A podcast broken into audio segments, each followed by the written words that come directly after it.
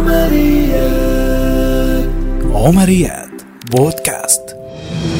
هذه التدوينة بعنوان يا صاحبي السجن. أنا عمر أبو صيام وهذه عمريات بودكاست. عمريات.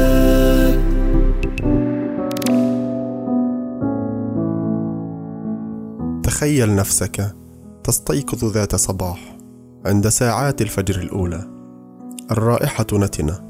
والفراش عفن وأصوات الشخير والأنفاس المتعبة من حولك تملأ المكان.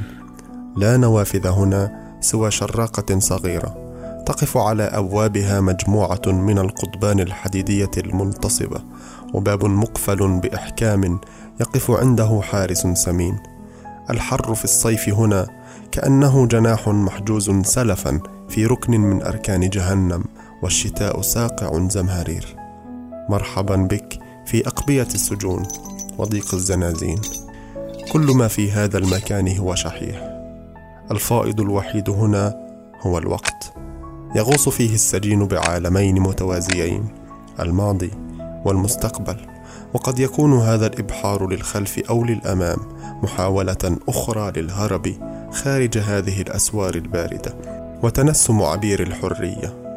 هذا المعنى الذي لا نشعر به إلا حينما نفقده ولا يقفز إلى حدود الذاكرة إلا بعد أن صار خارجها. ظهرت السجون في الألفية الأولى قبل الميلاد ويقال إنها بدأت في أرض الكنانة مصر وقيل أيضا إن اليونانيين هم أول من بناها حيث بنيت الزنازين تحت الأرض ونام السجناء في أقبية مظلمة وقيدوا بالسلاسل وعوملوا معاملة العبيد والحيوانات. وقد وصل الأمر في امتهان الإنسان أن يتحول إلى عبد طيلة حياته إذا ما قضي عليه بالسجن. يرى ميشيل فوكو قصة ولادة السجن في كتابه المراقبة والمعاقبة قد انتقلت من التعذيب في ساحة المدينة ووسط الجماهير المتلذذة بالدم والتعذيب وفسخ اليدين والرجلين وتقطيع اللحم والعظم والأدوات الإركيولوجية والمستحدثة إلى تعذيب آخر موصوف بالهادئ والناعم بسجن روح هذا الجسد. في أوروبا ظلت أحوال السجون قاسية حتى بداية الملكية الإنجليزية. ففي عام 1166 شيد هنري الثاني أول سجن وأدخل إليه الإصلاحات القانونية ووضع مسودة عرفت باسم نظام المحلفين. أما في عام 1155 وقع ملك إنجلترا جون وثيقة تاريخية معروفة باسم الماغنا كارتا وهي أول وثيقة تتضمن بأن لا حبس دون محاكمة. بدأت أحوال السجون تتغير مع تحول المجتمع العالمي من النظام الإقطاعي إلى النظام الاقتصادي الخاص، حيث انتشرت المدن وتوسعت وبدأت عجلة الصناعة بالدوران، وكان مفهوم الحرية يتكور داخل بيضته الهشة. ومع ذلك في القرن الخامس عشر اضطربت الصناعة وتأرجح الاقتصاد مما أدى إلى ظهور اللصوص وبائعات الهوى بكثرة فجاءت فكرة السجن مع وجود الأعمال الشاقة لتستفيد السلطة من الأعمال التي ينجزها السجناء ثم تلاحق ذلك بظهور الكثير من الجمعيات والناشطين الذين نادوا بحفظ حقوق السجين. كانت أبرز المحاربين لذلك إليزابيث فري صاحبة فكرة فصل الرجال عن النساء في السجون وفتح المدارس داخلها خاصة لأبناء السجينات. كما ساهمت الكثير من الحركات في نهاية القرن التاسع عشر بتحسين أحوال السجين. من أجل إعادة تأهيله ليعود شخصا نافعا لمجتمعه وذلك من خلال إيقاد جذوة العلم والتعليم والعمل وإعادة الأمل له بأن السلوك الحسن من شأنه أن يغير القدر ويقلص عدد السنوات المحكومة عليه. كان علي بن أبي طالب أول من بنى السجون في الإسلام، وذلك بعد اتساع رقعة الدولة الإسلامية وكثرة الخلق الذين دخلوا إلى الإسلام وأجرموا بحق أنفسهم فبعد أن كانوا يسجنون في خيمة أو في المسجد أو في بيوت ابتيعت لهذا الغرض كما كان في عهد الفاروق عمر رضي الله عنه بات وجود مبنى خاص للسجون أمرا لا مناص منه لكن بجودة أكثر إنسانية. فوفرت للسجين الزيارات العائلية وسمح له بحضور صلوات الجمعة وصلوات العيد كما لم يمنع من أن يعوده طبيب إذا مرض أو أن يطبب في منزله إن ساءت أحواله.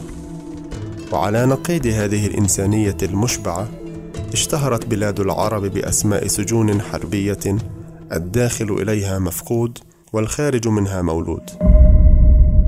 على شاكلة سجن أبو غريب في العراق وسجن العقرب في مصر وتدمر الصحراوي في سوريا ناهيك عن أحوال الأسرى الفلسطينيين في السجون الإسرائيلية والتي أفرزت عن روايات مفجوعة لهول أشكال الموت الذي ظهر هناك وحفلات التعذيب اليومية وصيات المجرمين التي نزعت منها صفات البشر. كتب الروائي مصطفى خليفة في روايته القوقعة التي تحكي قصة ثلاثة عشر عاما في سجن تدمر الصحراوي معبرا عن عجزه الوصف لفكرة السجن الذي أطبق عليه فجأة ودون تهمة مسبقة. فقال أي عبقري هذا الذي أوجد فكرة السجن؟ هل هو الإله؟ يجب أن يكون كذلك لأن فيها من الإعجاز ما هو فوق قدرات البشر. كانت الحرية ولا تزال. قيمة عليا لا يستطيع المرء التغاضي عنها والمساس بها يعني المساس بكرامة الإنسان وربما فقد عقله وإحساسه لهذا السبب. من منا لم يفقد صوابه في فترة الإغلاق الذي تسببت به جائحة كورونا؟ من منا لم يكن على شفا حفرة من الانهيار أو لعله قد انهار بالفعل وانهارت أجزاء من عالمه الذي أفنى وقتا من عمره في سبيل بنائه. رغم أن ما يتوفر لنا في سجننا الكبير هذا ليس وجها للمقارنة أو المقاربة مع عالم السجون الحقيقي. مع ذلك، يبقى السجن والحرية مفردات فلسفية، لا قانون يشكلها، أو صورة تختزلها، فعقل الإنسان قاصر وعصي على إدراك معاني السجن حتى يتذوقه، فالحرية رخيصة مفهومة إلى أن تفقدها، والسجن خيال وترف فكري حتى تجربه وتجربته تختلف من شخص إلى آخر. لا يختزل السجن بما تمارسه السلطة فحسب أو ما تصوره لنا الأفلام. فقد يكون المرء فينا رهين سجن ذاته فلا يعترف بأخطاء فادحة ارتكبها وينزه مرشحه أو ابن عائلته أو مطربه أو مديره عن الخطأ فأغلق على عقله الباب. وجعله أسير الأقبية المظلمة التي لا تقبل النقد أو الاعتراف بقصوره البشري. يختبر المرء بمنحه الوقت وقد وزعت الساعات على جميع البشر بالتساوي وأضيفت معها بعض الامتيازات والأدوات الحيوية وشرعت لنا حرية اختيار قنوات صرف عملة الوقت فيما نشاء فإذا احسنا التوزيع وإعادة ترتيب الساعات واستغلالها بما هو نافع للنفس وللمجتمع. عبرنا حاجز الزمن وقفزنا إلى حياة الإنجاز والخلود والرضا عن النفس والإنجاز للبشرية ومنحها الثقة والأمل. كل يوم تلد لك الشمس هو رصيد آخر يضاف إلى رصيد بنك الوقت في حياتك. وترك هذا الرصيد يتراكم هو بخلاف تراكم رصيد الأموال. فتراكم الوقت يعني فراغا قاتلا وحياة روتينية ومياها راكدة. والمياه الراكدة تتحول إلى مسمومة إذا طال عليها الزمان تماما كنفوس من لا عمل له سوى النقد والتنظير دون أدنى نية لديه للنهوض والانخراط الحقيقي في الاستفادة من هذا الوقت. تعي السلطة تماما. أن الإنسان عبارة عن معادلة رياضية مكونة من مجموعة من الأرقام والساعات والأيام فتحاول خنق هذه المعادلة وطرح المفيد منها وضربها بالصفر حتى تسوى لها الأرض وتفرغ لها السماء. ولكن يبقى سجن السلطة أخف وطأة من السجن الذاتي ذلك أن الأول هو بإرادة البشر. التي من الممكن كسرها أو التعالي عليها أو القفز عنها. أما الثاني فهو من ساق نفسه بمحض إرادته إلى سجن عقله في أقبية الخمول واقتات على بعض كسرات من الكسل وأغلق على نفسه باب الإقبال على الحياة واكتفى بمراقبة أسراب الناجحين من شراقة زنزانته ولامهم لأنهم لا يلتفتون إليه.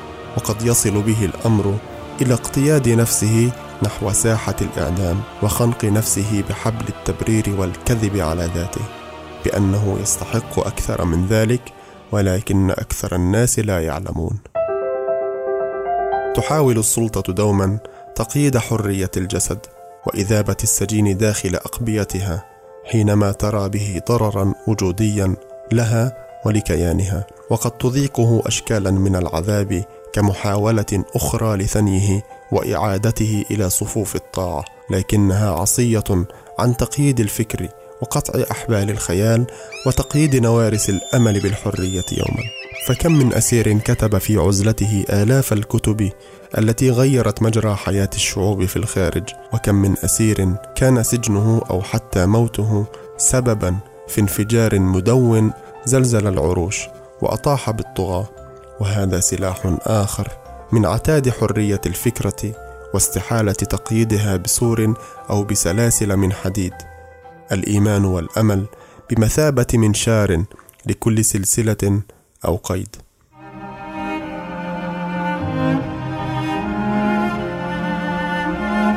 في سلسلة حلقات صراع العروش المسلسل الذي تدور أحداثه في القرون الوسطى اتخذ سجن الطغاة شكلا آخر. حيث تحد غرفة السجين ثلاثة أسوار. أما الجهة الرابعة فهي عبارة عن سفح الجبل الشاهق ليتراقص السجين على حبل الموت بين أملين. أمل طويل الأمد. قد يدفعك إلى الموت البطيء أو إلى الجنون ولكنك قد تحظى أيضا بتنفس عبق الحرية من جديد أو أمل قصير الأمد. قد يدفعك بكل لحظة إلى تمساح الموت لينهش لحمك نهشا. المشترك الوحيد هو الأمل وهو مربط الوتد الذي تحاول نزعه السجون. عمريات أخيرا تبقى فكرة السجن عقابية بكل أشكالها سواء المفروضة من السلطة أو تلك التي فرضناها نحن على أنفسنا. ومن منا لا يملك سجنا خاصا به قد لا يعرفه إلا هو. لكن يكمن حل المشكلة في العثور عليها أولا ومن وجد قبوا في زوايا أفكاره من شأنه أن يجد له المفتاح. آمل أنكم قد استمتعتم بما قدمته لكم وإلى لقاء قادم في الأسبوع المقبل في عمرية جديدة. إلى اللقاء. عمريات. عمريات. بودكاست.